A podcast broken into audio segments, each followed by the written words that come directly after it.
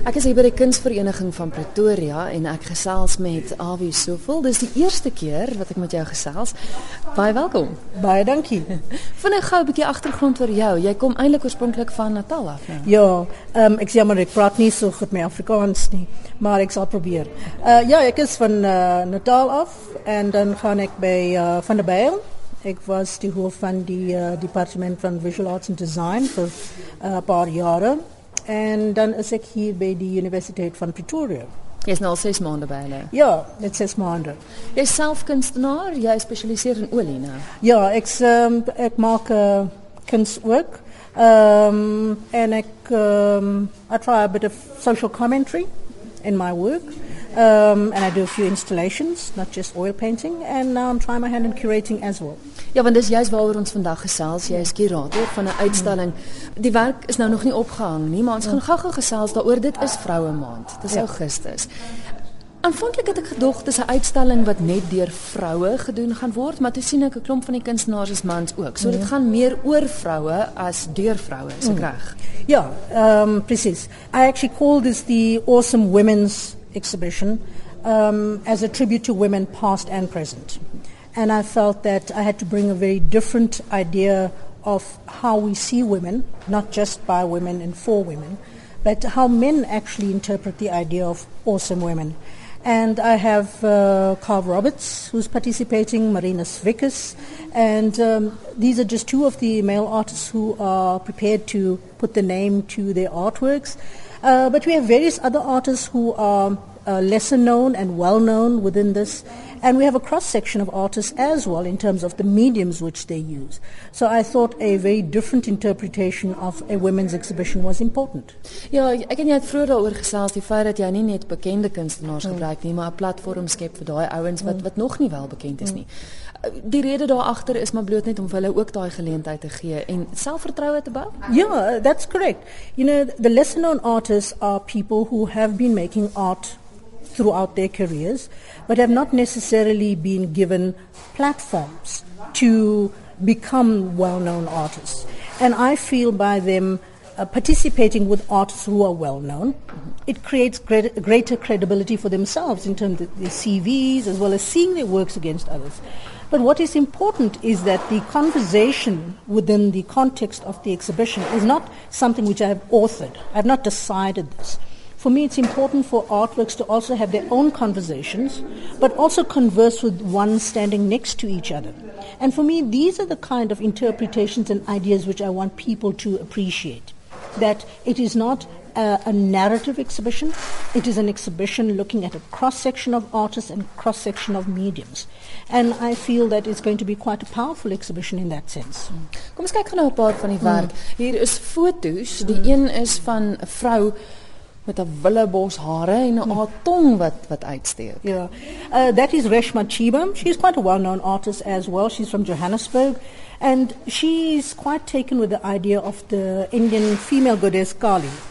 And that particular goddess has to deal with de- death and destruction, but it also has to deal with the idea of creativity. And the idea of the tongue, which is always reminiscent of the goddess, is also about disgust but it's also about revolt and sexuality. So that particular image of the tongue is always denoted in her work, whether it is a stitched work or whether it is a photograph as she has presented herself. It is a kind of representation of the goddess itself. Mm. Ja. Jy het vroeër genoem dat jy heel betrokke is by sosiale kommentaar wat gelewer word. Mm. Daar is nog 'n foto van van twee swart dogtertjies ook. Mm. Sou dit ook val onder sosiale kommentaar wat gelewer word? Yes, and even though these are images of two um, African kids, for me I don't see them as being denoting color. Mm. You find that in all communities, whether it is white communities, Indian communities, colored communities, it becomes a universal image. And these two little girls are interpretations of women as well, because this is our youth. So we look at past in many contexts present in many contexts. It's not just about women who have passed on, but it is how we see ourselves and initiate ideas of our own childhood. Because women themselves are interpreted on many levels, not just as adults. Mm. We must see them as uh, youthful and as children as well. Yes.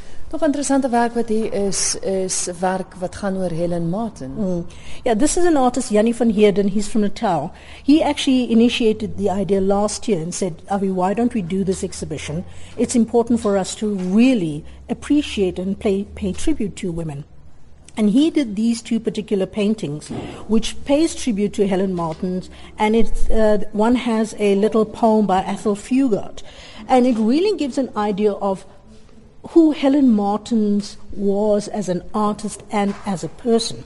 Very often we just see her as a craftswoman who kind of lived her own life as a hermit, making artworks out of broken bottles, etc., and building her own, her own homestead. But here we have a kind of landscape setting within which her Nieu-Bethesda home is situated. So it gives us some kind of context to who Helen Martins was. And that is also important mm. because it is a person whom we also kind of look at by the way. We would rather look at, at women who have created substantial amount to our economy or to the country or to the nation.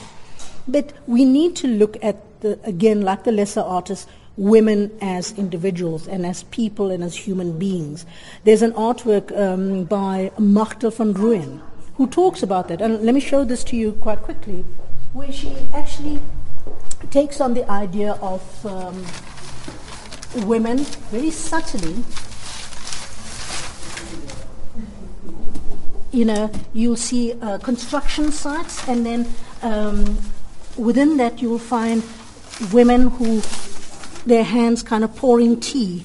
You see that is overlay ah. kind of thing. And the whole idea of taking time off, doing these little duties in a sense, they really are the backbone of our society. And in this particular way, the whole idea of the building, which is a very masculine yeah, site, yeah. you know, but it is also a strength which we don't necessarily associate with women.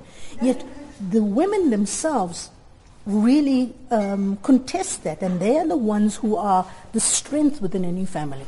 We always look at, you know, a home that is built as the man, as the head of the family, and the strength. But we don't necessarily always see that within women. But women are also breadwinners. You know, they are also people who mold our nation, our youth. Whenever there are issues, we go to our mum. And these are the subtleties we're looking at.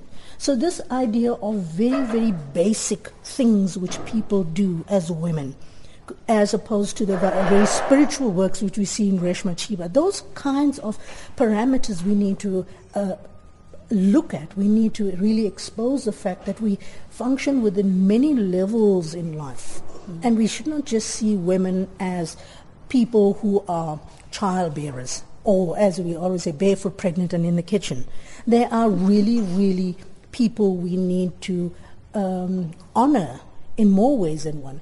And this exhibition, although it takes place once a year, is not something that we should see as well it's over and done with. We should appreciate the fact that women or people are always making art, are always appreciating women continuously. And this is like a birthday, like we have where we are extra special. And I think that's how we should see our women.